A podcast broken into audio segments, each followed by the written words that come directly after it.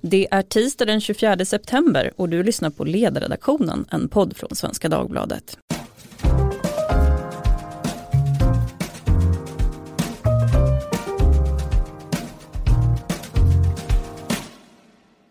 Jag heter Lydia Wåhlsten och idag ska vi tala om de apatiska flyktingbarnen. Och det gör vi med anledning av ett granskande reportage i tidskriften Filter som journalisten Ola Sandstig har skrivit och som flera medier rapporterar om idag. För er som var för unga för att minnas det här så var det en stor fråga för ungefär 15 år sedan. 2004 så sjönk flera hundra flyktingbarn i Sverige ner i ett apatiskt tillstånd och ingen kunde riktigt förklara varför. 2005 släpptes den första av totalt tre statliga utredningar om de apatiska barnen.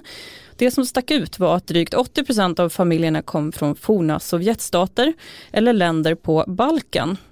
En annan sak som stack ut det var att problematiken med de här apatiska flyktingbarnen i stort sett bara fanns i Sverige.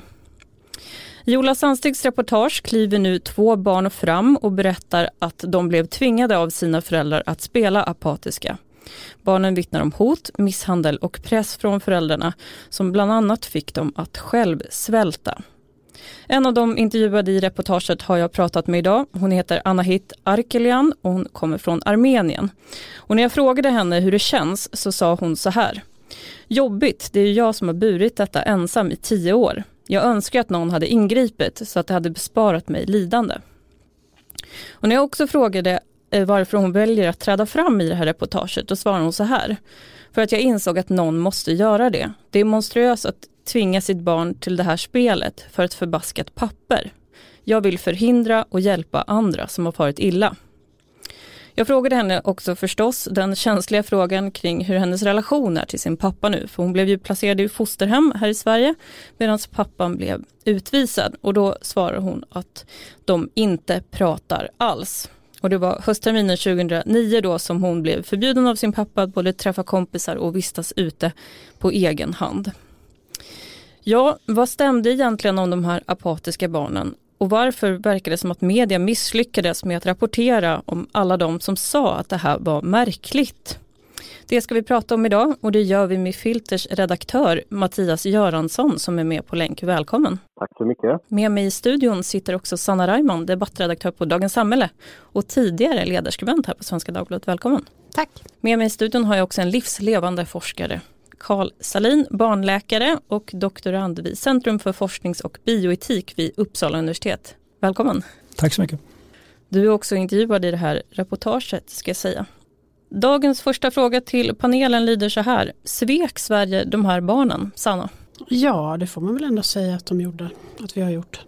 Eh, det har ju varit alldeles för oklart eh, behandlat det här. Ja, det, det, får man säga att eh, Sverige gjorde och eh, jag skulle säga att eh, tyvärr gör vi det fortfarande. Och vad säger Filters redaktör? Ja, alltså det är uppenbart att åtminstone de barn som Ola har pratat med och eh, vi citerar är ju svikna. Och en, jag vill bara lägga till en sak till som, som eh, granskningen visar och det är ju att det faktiskt har funnits ett vårdhem i Skara som heter Solsidan som har lyckats bota barn. Eh, de har botat 30 barn som de tagit emot genom åren eh, med en, med en metod som går ut på att de separerar föräldrarna från barnen och då blir de friska. Så sveket är också då att man har ignorerat en fungerande vårdmetod. Och det gäller ju fortfarande för de barn som faktiskt idag eh, är apatiska då. Jag tänkte att vi ska börja bena i forskningsläget, för jag minns själv de här bilderna på barnen som låg inne och bara tittade in i väggen och hela Sverige var ju i ja, krisläge kan man säga när det kom till de här barnen. Nu är det närmast att likna med IS-barnen idag, de känslor som det väckte. Men vad säger egentligen forskningsläget om apatiska barn, Carl? Ja, tyvärr är det fler frågor än svar eh, om man tittar på den här gruppen. Eh, det som avslöjas i det här reportaget eh, som ju är en uttalad form av manipulation och fabricering av symptom. Eh, det är inget som har varit alldeles okänt för Eh, åtminstone de som har arbetat nära de här barnen. Men man har varit ganska försiktig med att uttala sig om att det finns. Eh, men däremot så eh, måste man nog eh, försöka nyansera bilden och inte tro att det bara rör sig om manipulation. Eh, det finns eh, en hel del faktorer som talar för att åtminstone en del av barnen inte manipulerar. Och till exempel så är det så att det finns de som har insjuknat trots att de har fått ett uppehållstillstånd och då skulle de inte ha den här motivationen att eh, insjukna för att förbättra sina möjligheter att få stanna i Sverige. Eh, sen är det en annan intressant faktor som har noterats och det är att det tar ofta väldigt lång tid för en del av barnen att bli friska efter att de har fått ett uppehållstillstånd. Ibland upp till ett halvår innan man ser första tecknet på förbättring. Eh, och det talar också ganska starkt emot att manipulation skulle vara eh, något som förekommer i alla lägen. Så med det sagt så är det nog så att den här gruppen inte är homogen utan det finns olika vägar in i vad som förefaller vara samma tillstånd. Ehm, eh, och Eh, så, så det, det, det, är kanske en, en utgångspunkt man bör ha klart för sig. En annan utgångspunkt från forskningens sida som eh, allt för lite uppmärksammas eh, menar jag det är det att den hypotes som hela tiden har legat till grund för det här tillståndet i forskningen eh, har varit att det är stress och tidigare trauman som utlöser uppgivenhetssyndromet. Eh, och det tycker jag man kan eh, lägga åt sidan eh, därför att det finns en hel del faktorer som är oförenliga med den hypotesen. Och det viktigaste har vi redan nämnt och det är det att de här barnen verkar bara finnas i Sverige. Eh, men det är ju inte så att de enda barnen i världen som har blivit utsatta för tidigare trauman och lever under stress finns i Sverige utan de finns i hela världen. Och, eh, hypotesen förutsäger att det här tillståndet skulle finnas i mycket högre utsträckning i många andra länder och det gör det bevisligen inte. Eh, den andra intressanta faktorn som talar väldigt starkt emot en stress och traumahypotes det är att bara vissa grupper av invandrade barn drabbas. Eh, som vi redan har nämnt så är det barn från forna Sovjetstater och Balkan företrädesvis. Eh, men det finns många andra grupper som kommer till Sverige som uppger att de har varit med om liknande typer av trauma och lever i precis samma kontext i Sverige. Eh, men de insjuknar ändå inte. Så det talar för att eh, det räcker inte att hänvisa till stress och trauma utan det, det, verkar vara nödvändigt att fundera kring andra förklaringsfaktorer. Och då är ju simulering en som hela tiden, ända sedan början egentligen har funnits på tapeten även om man har varit försynt med att uttrycka sig om den i eh, massmediala sammanhang åtminstone de senaste tio åren för det har blivit en sorts eh, förbjuden uppfattning. Eh, tyvärr då för åtminstone en del av de här barnen som har fått lida på grund av det. Och det är väl det vi ska prata om idag, journalistikens roll också i det här.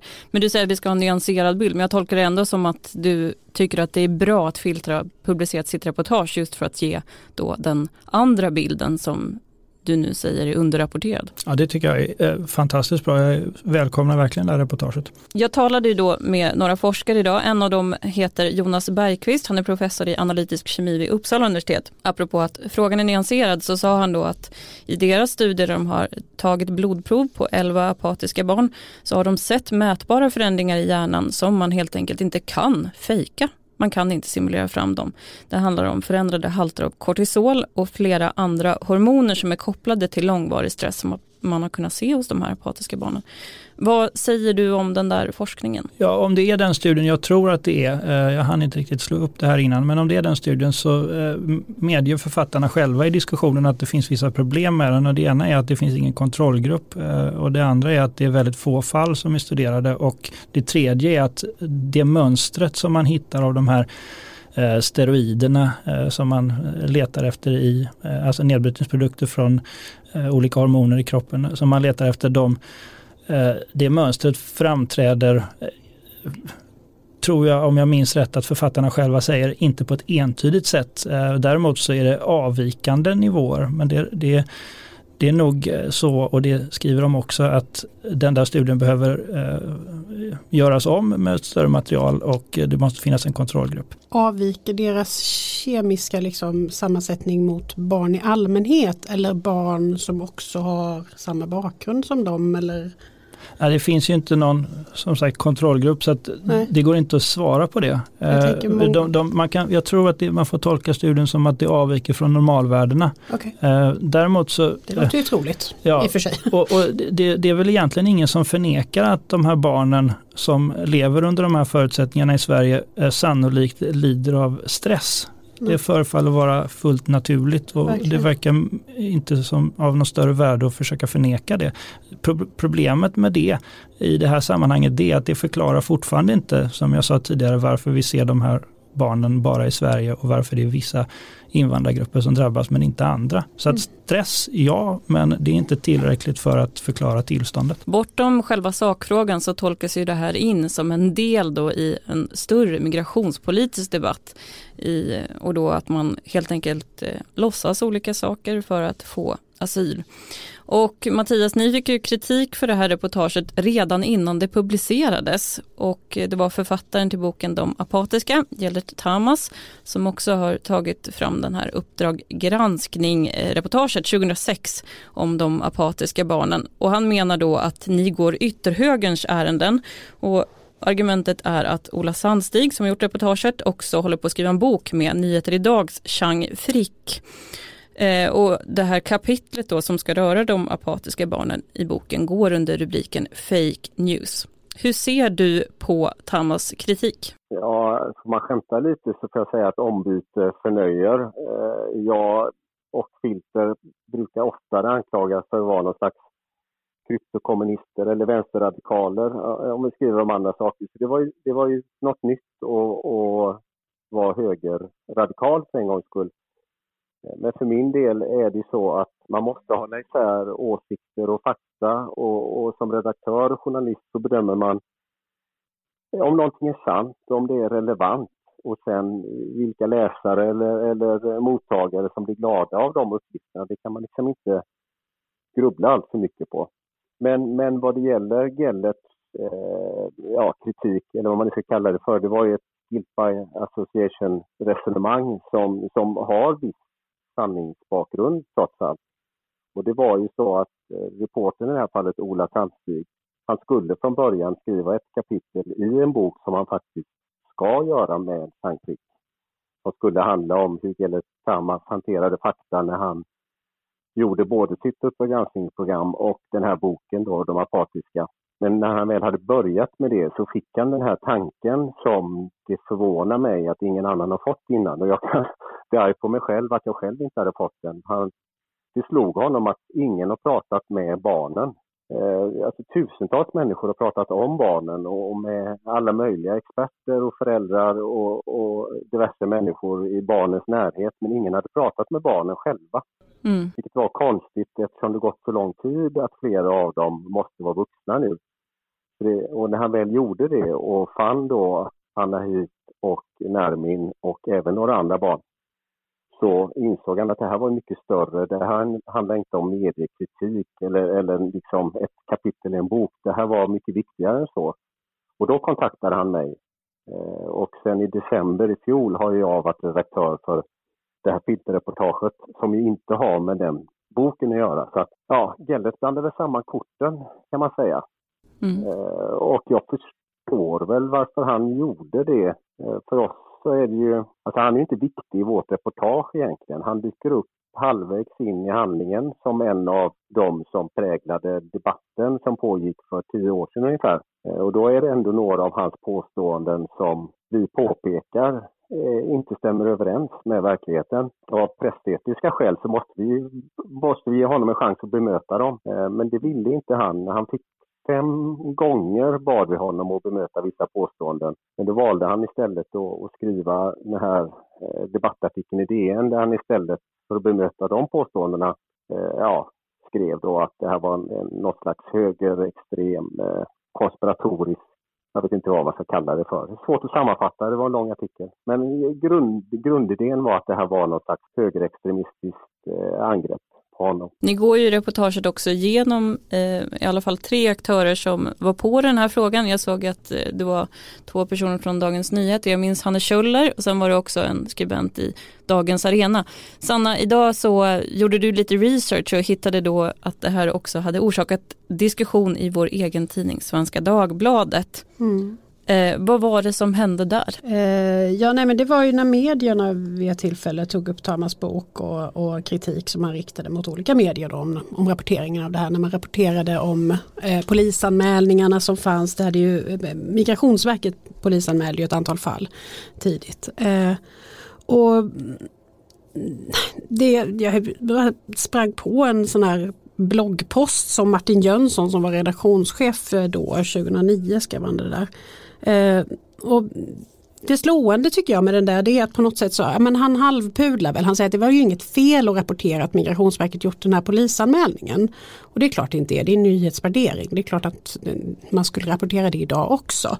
Men han är ändå väldigt, vad ska man säga, han skapar ju med foten va? och så skriver han så här att ja men Tamas kritik är på flera punkter välgrundad och motiverad.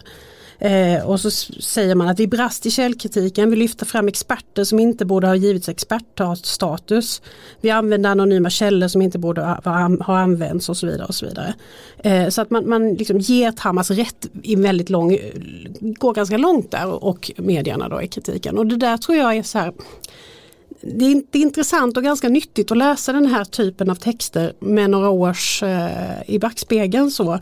Därför att eh, jag tror inte för en sekund att SvD eller någon av de medier som rapporterade då idag aldrig använder experter som inte är experter eller eh, anonyma källor som man i efterhand inte borde. Eller i det här fallet också, det kanske absolut var bara experter eller så var det helt rätt att gå till de anonyma källorna. Mm, problemet är ju snarare att man håller på att svalla med i vågor på det här sättet och just där och då när Martin Jönsson skrev det här så var det väldigt inopportunt att säga annat än att Gellert Tamas är en hjälte som har avslöjat oss alla. Och nu är det inte det. Mm. Eh, och det där är nog det större problemet här faktiskt, att vi springer i flock i någon enorm utsträckning. Mm. Och det är även i de här diskussionerna som nu gör att Tamas, det enda han kan komma på på något sätt. Det han försöker göra nu det är att piska upp en liksom, diskussion som handlar om vilka bevekelsegrunder filter har.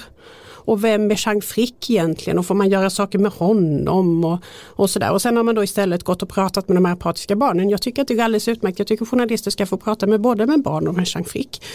Mm. alltså det, det, vi behöver ju det här klimatet som vi börjar få medialt nu. Att det ändå finns fler röster och så. Sen ska man ju säga att vi springer ju fortfarande i flock fast vi springer i olika flockar. Mm. Carl, du ville komma in. Ja, man, man kan väl eh, möjligen ursäkta eh, de här eh, eh, inte helt konstruktiva mediediskussionerna som har förts tidigare med att den professionella diskussionen var inte särskilt mycket bättre. Mm. Även där så var det ganska tendentiösa uttalanden och påståenden och ganska hög, hög ton i debatten mellan olika företrädare för olika delar av medicinska professionen. Och den bottnade ju i en stor osäkerhet kring vad det här tillståndet verkligen var. Och redan då fanns eh, de två huvudhypoteserna, den ena stress och trauma och den andra simulering som två stora eh, liksom kort på bordet. Eh, och dessvärre då, eh, eller kanske dessbättre, så är nog ingen av de hypoteserna eh, särskilt bra för att förklara hela tillståndet. Och, och, det är väl lite av ett problem som vi har fortfarande idag, att vi, vi, vi står med en eh, o, oförklarad, eh, ett oförklarat tillstånd i, till en viss del i alla fall. Och eh, så länge det är så blir det ju svårt för journalister att eh, hitta bra vittnen inom vetenskapen eller professionen för att rapportera om det som egentligen ska tas för sant. Mm. Och varje tolkning blir också ett inspel i den här större debatten då kring höger, vänster och så mm. vidare. Får jag skjuta in där någonting? Så dels så tycker jag att för mig är det här ingen höger-vänster-fråga överhuvudtaget. Utan här handlar det om att se ett barnperspektiv.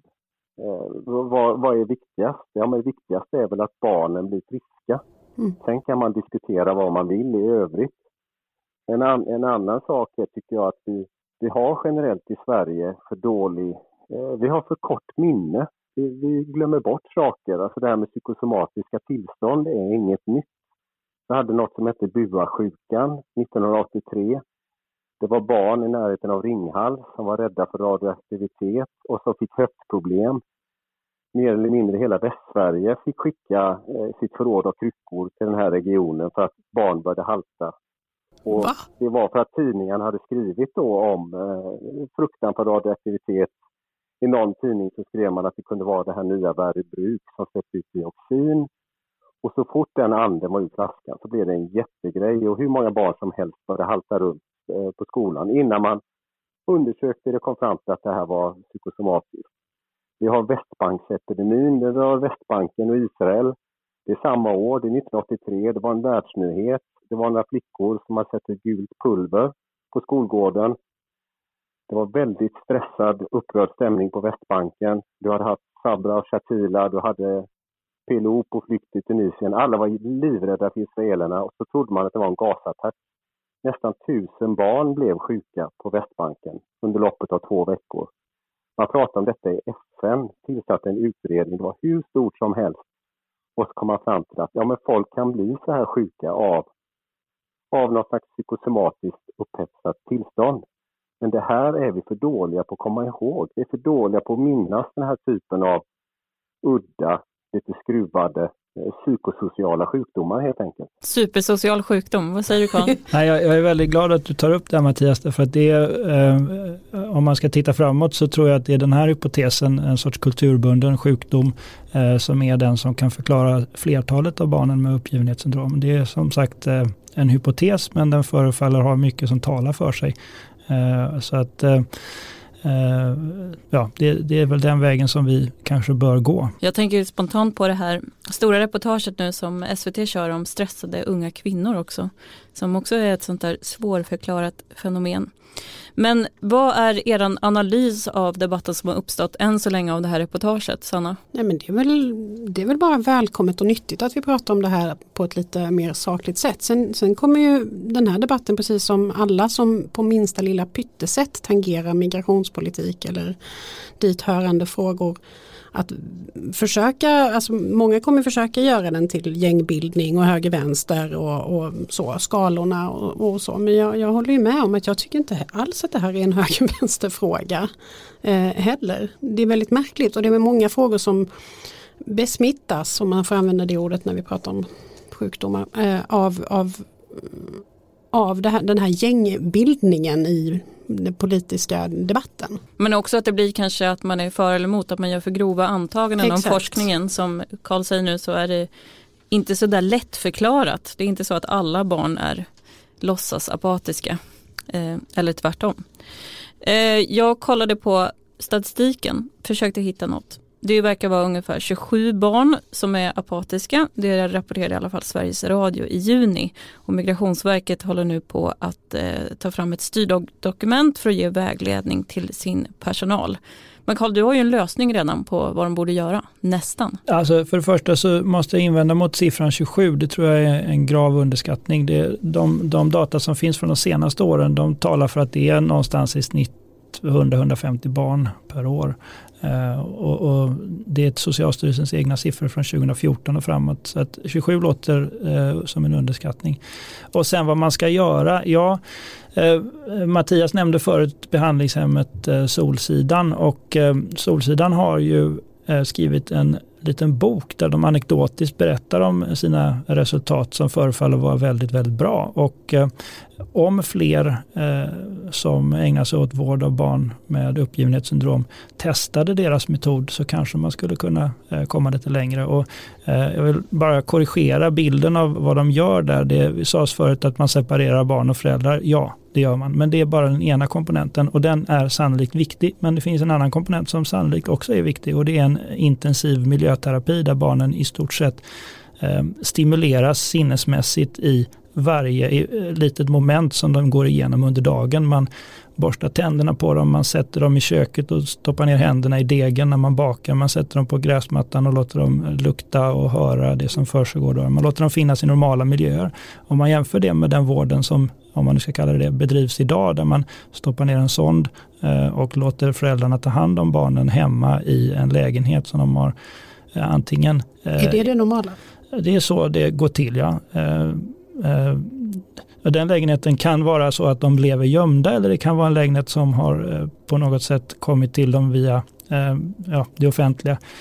Och där, där bor de sen med ganska lite stimulering även om föräldrarna får instruktioner att dra upp persiennerna och sätta barnen upp och ta ut dem på toaletten och göra alla de här omvårdnadssakerna. Men det säger sig självt att en familj där föräldrarna antagligen inte mår särskilt bra om det nu är två föräldrar, har ganska svårt att eh, ge samma typ av intensiv eh, miljöterapi som man då har gjort på Solsidan. Så att eh, man kan väl säga, för att återknyta till den initiala frågan här, sviker vi de här barnen? Ja det gör vi och det gör vi även idag därför att eh, det finns, eh, nu är den behandlingsmetoden då inte helt utvärderad ännu men det förefaller vara mycket bättre än det andra vi gör och eh, varför inte prova? Men hur skyddar vi de här barnen idag då? Om det nu är föräldrar som har vad man kallar för Münchhausen by proxy? Ja, det är ju en jättesvår uppgift för eh, sjukvården. Det, det gäller inte bara de här barnen utan det gäller eh, barn i allmänhet. Det är en av de absolut svåraste diagnoserna att ställa. Eh, det handlar ju om som läkare att man måste misstro föräldrarna och vår normala inställning när det kommer till föräldrar och patienter det är ju att de berättar själva vad det är som är fel. Det är så att säga utgångspunkten för en, ett mm. medicinskt eh, samtal och här måste vi då eh, vara mycket mer vaksamma än vi brukar vara och försöka eh, eh ta oss ur den normala rollen och verkligen vara misstänksamma. Och, och jag hoppas att det här reportaget eh, inskärper behovet av det i, eh, i de här sammanhangen och har med de här barnen att göra. Hur undviker vi att få den här typen av konsensus som då gällde där kring 2000 2006, 2008, 2009. Jag är inte säker på att vi kan undvika det, det talat. Men eh, jag tror nog att vi kanske är lite bättre på eh, att ha fler bollar i luften nu. Kanske. Eh, sen är det mycket möjligt att vi kommer rusa i en annan riktning och bli superkonsensus på den sidan istället eller något. Det, det verkar ganska allmänmänskligt. Jag tycker ju alltid att man måste kräva precision i sådana här frågor. Eh, nästan detta, om du pratar om kvickfallet eller om du pratar om second baby syndrome eller om det här med könsdysfori som är uppe i, i debatten. Mm, där har vi en kandidat. Väldigt, så är det väldigt ofta som man bara citerar någon som kallas för expert och som säger någonting, som påstår någonting. Men man ber dem aldrig precisera. Vad vilar det här påståendet på? Kan du, kan du säga sakligt vad det bygger på. Vad har det för forskning? Vad har det för kontrollgrupper? Jag tror att vi måste som journalister, eller människor i största allmänhet, bli bättre på att sålla åsikter från fakta. Vi är väldigt pigga på att ta till oss åsikter och vi är generellt sett väldigt dåliga på att kontrollera fakta. Men det blir ju väldigt svårt när det är som till exempel det här när vi pratar om att professionen är ute i debatten och eh, företräder en, en åsikt mer eller mindre. Det ser vi på ganska många områden. I det här fallet så var det ju läkarprofessionen då. Jag menar de är ute nu och är experter på åldersbedömningar och, och ja, allt vad det nu kan vara. Så att det, och det är ju det här är ju vad journalister ofta gör. Man går till en expert, sätter micken under näsan på dem och ber dem att säga något och så hoppas vi att de inte hittar på eller, eller förvränger. man, man, man, man borde mycket oftare avkräva saklighet. Vad bygger det här uttalandet på? Ja, absolut. Det sker väldigt sällan. Alltså det är väldigt sällan motfrågor. Man ställer väldigt sällan krav på precision utan man nöjer sig bara med någon form av ganska ytligt svar. Jag tycker ju att jag har sett den här debatten i frågan om Systembolaget. Då, mm. Där den här stackars utredaren David Sundén har ju fått massiv kritik efter sin ESA-utredning där han menade att alkoholmonopolet inte längre är giltigt eh, i Sverige. Och nu eh, är han inte ute så mycket i debatten längre för att det var så otroligt många som kritiserade honom. Och där är ju frågan då att värdera forskning och att värdera forskningssammanställningar och hitta liksom vad är mittfåran i forskningen. För att journalistiken drivs ju då att vi frågar en expert och sen så potentiellt då frågar man en annan expert. Man gör inte den här värderingen. Men jag måste fråga filterredaktören, hur blir journalistiken bättre då? På ett sätt har vi en lyxposition. Vi kan hålla på med saker hur länge som helst. Vi gör en tidning varannan månad och då kan vi vara petigare. Eller som det, Ola i det här fallet, han har ju hållit på sedan december. Även snabba medier, alltså nyhetsmedier, skulle tjäna på att ha kanske fler reportrar som jobbar mer långsiktigt och, och som inte behöver ingå i nyhetsproduktionen utan som kan ägna sig åt annat också, mer långsiktiga projekt, mer grävande projekt. Eller att man kan göra både och. Man kan ha ett löpande undersökningsprojekt vid sidan av det dagliga som, där man inte har ett krav att leverera snabba uttalanden eller snabba rapporter hela tiden. Risken med det där, eller om man ska vara eh, vara var mörksynt sådär, det är ju att vi kommer ha journalistik som hela tiden second guessa sig själv i efterhand så att säga. Att först eh, springer vi på de snabba bollarna och rapporterar och, och drevar och, och är jättedumma med Barbro Holmberg eller vem det nu kan vara. Eh, och sen så här tio år senare så bara, ah, ah förlåt, Nu mm. här kommer granskningen av oss själva. Mm. Det ofta blir sådär och det där kan ju bli väldigt förtroendeskadande för medierna generellt. Vi ska säga det, Barbro Holmberg var ju migrationsminister då under den här tiden. Folk hon... tenderar att tänka på journalister som journalisterna. Liksom. Det, mm. det, är ju så det funkar. Um, Men Barbro att... Holmberg hon blev i alla fall utnämnd då av Aftonbladet till Sveriges mest hatade minister. Hon var ja, ju ja, det var fruktansvärt. Ja, under mm. den här perioden. Eh, om man ska kommentera den här media, eh, sättet att bedriva journalistik utifrån ett eh, medicinskt perspektiv i det här sammanhanget så återknyta till det här med kultursjukdomar så finns det en växande insikt bland forskare och också en del journalister tror jag nu att det faktiskt är så att man kan driva epidemier av eh, vad Mattias tidigare eh, refererar till som psykosomatiska symptom. Det som traditionellt brukade kallas epidemisk hysteri men som nu brukar kallas funktionella symptom som uppträder i, i, i befolkningar. Och, och, det är faktiskt så att man kan skapa sjukdomstillstånd och eh, ohälsa hos människor genom att eh, eh, föra ut felaktig information. Och det, det, finns många bra exempel på det i dagens samhälle. Eh, det är risk att man blir halshuggen om man börjar eh, ge exempel men eh, eh det har, det har redan nämnts i den här diskussionen idag. Ja, och på den bevakande punkten, vi får hålla utkik efter olika psykosomatiska saker helt enkelt. Hörni, vi måste avsluta tyvärr. Är det mm. någon som vill avsluta med några kloka ord? Nej, jag vill faktiskt i så fall passa på. Då. Jag, fick ju träffa de här två individerna som är med i eh, Filters reportage och eh, en av dem sa till mig att eh, hon önskade att eh, jag tog med mig en sak och det var att eh, Eh, ingen annan ska behöva vara med om det de har varit med om. Och det sa hon till mig och bad mig försöka motverka. Och eh, det var ju inget jag eh, inte redan hoppades kunna motverka men eh, att hon sa det till mig betydde väldigt mycket och eh, det tycker jag vi kan ta med oss. Det är svårt att föreställa sig det här när ens föräldrar vänder sig emot en på det sättet och tvingar ner en i rullstol. Om det är någon som vill ha ett populärkulturellt eh, variant av det här så finns det en serie som heter The Act som går på HBO om en man, mamma då som har Münchhausen by proxy där hon aktivt försöker få sin dotter sjuk och tynga ner henne i rullstol hela livet. Ehm, och eh, det bygger också på en sann historia från USA faktiskt. Den är otroligt gripande och vad det här också gör med barnet att till slut så vet man inte vad som är sant och falskt och att man själv också vill ju gärna leva upp till föräldrarnas förväntningar på en och i de här fallen vi har diskuterat så står ju familjens Eh, liv på spel mer eller mindre om man då ska få asyl i Sverige. Och, ja, så det är klart att det finns ett ömsesidigt beroende där. Jag, jag tror att eh, både vi som är med i det här programmet och alla som lyssnar eh, ska tänka på, var inte rädd för att ställa motfrågor, var inte rädd för att ifrågasätta. För väldigt många av de här dreven som Sanna pratade tidigare om, alltså det kan gå för fort och det går i vågor och alla följer med när det, när det i efterhand har visat sig ha gått fel. Vi kan ta metoo till exempel, där det var både felaktiga uppgifter som spreds och korrekta uppgifter som spreds. Mm. Men även där hamnade man i någon slags stämning där man inte ifrågasatte utan allt skulle ut, allt skulle citeras och man skulle tro på alla. Man skulle inte ifrågasätta utan man skulle tro på vad alla sa. Eh, och det, det, det är en hållning som aldrig fungerar. Liksom. Man kan inte bara blint tro. Då lever man inte i ett vetenskapssamhälle, då lever man i ett religiöst samhälle där man tror på dogmer.